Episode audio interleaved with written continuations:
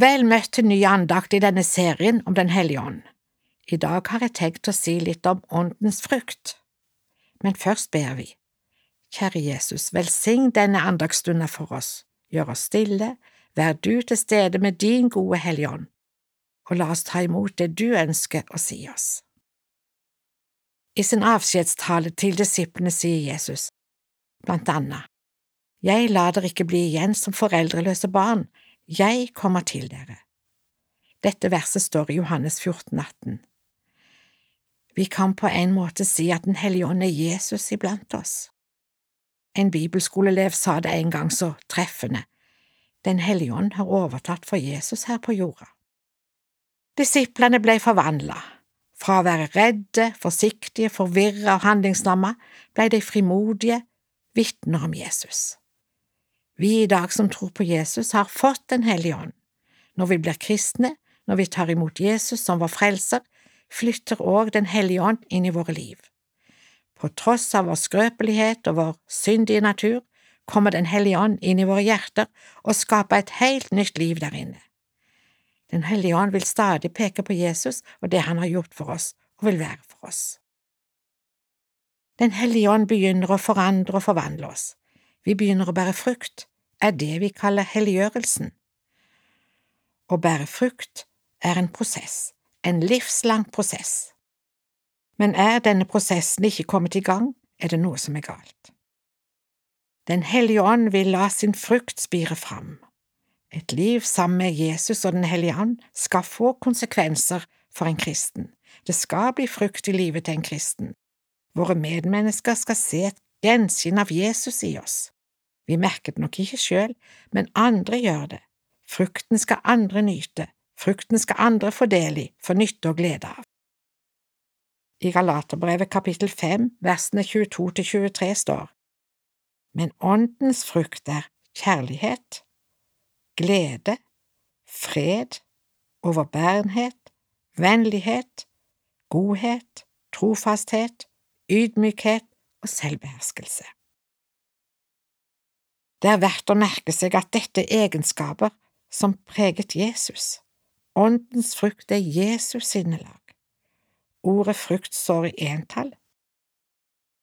Entallet synes å tyde på at den egentlige gave er det nye sinnet vi har fått. Alt det som nevnes, går på sinnelaget vårt, ikke handlinger eller gjerninger. Kjærlighet nevnes først. Vi elsker fordi Han elsket oss først. Bli i min kjærlighet, sier Jesus. Kjærlighet til hverandre har sitt utspring i Jesu kjærlighet. Det femte verset av sangen Din løfter er mange taler ofte til meg. Lær oss å elske hverandre og se hva det er du har ment med at vi bor der vi bor. Å se hva det er du har ment med at vi bor der vi bor, det er en utfordrende tanke. Glede. Denne gleden har sin rot i Kristus, i frelsesverket. Gleden i Kristus er uavhengig av de ytre forhold og omstendigheter. Mennesker for eksempel i forfølgelse, fattigdom og prøvelser kan være glade. Paulus og Silos sang lovsanger i fengselet. Denne gleden kommer innenfra, ikke utenfra, og det er en glede som ingen kan ta fra oss. Fred i Romerbrevet 5.1 står, da vi altså er blitt for rettferdige ved tro, har vi fred med Gud ved vår Herre Jesus Kristus. På korset overvant Jesus fiendskapet mellom oss og Gud.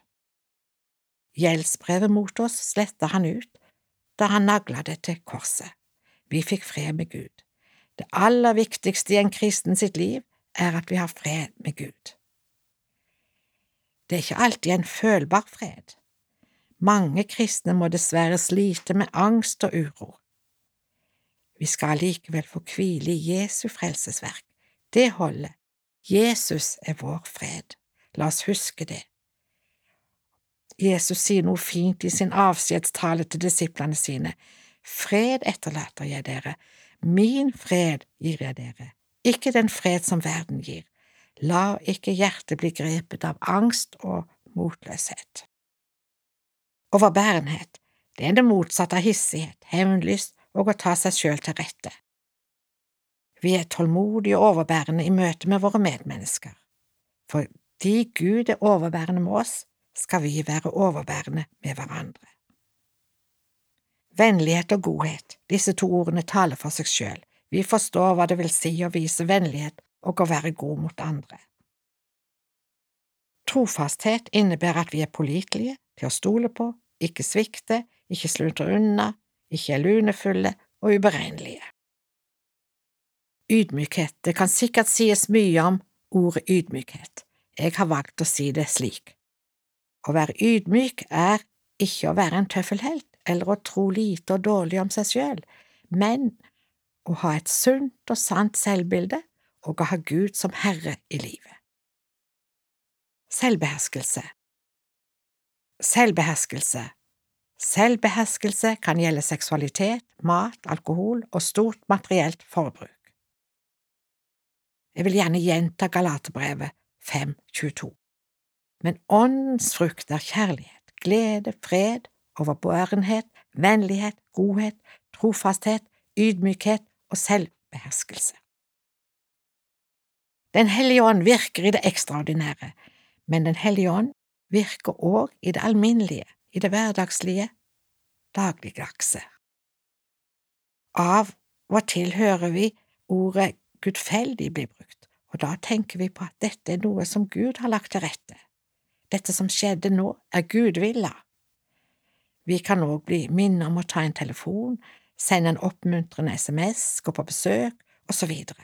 Da tenker jeg at noen ganger er det fordi Den hellige ånd har minnet oss om dette. Før jeg lyser velsignelsen, har jeg lyst til å si noe om setningen Herren løfter sitt åsyn på deg og gir deg fred. Åsyn er altså det samme som ansikt. Det sies at i det gamle rettssystemet i den jødiske kulturen, hvis dommeren løfta hodet når den anklagede kom inn i rettslokalet, så betydde det at han var frikjent. Hvis dommeren derimot satt med bøyd hode, ble den anklagede dømt skyldig. Det er et talende bilde som vi gjerne kan ta med oss. Når velsignelsen blir lyst over meg, kjenner jeg meg fri, jeg er frikjent på grunn av Jesu forsoningsverk på korset. Ta imot Herrens velsignelse.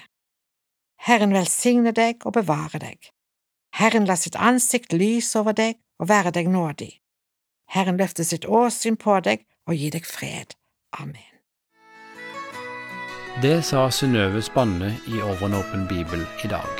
Serien produseres av Norea Mediemisjon.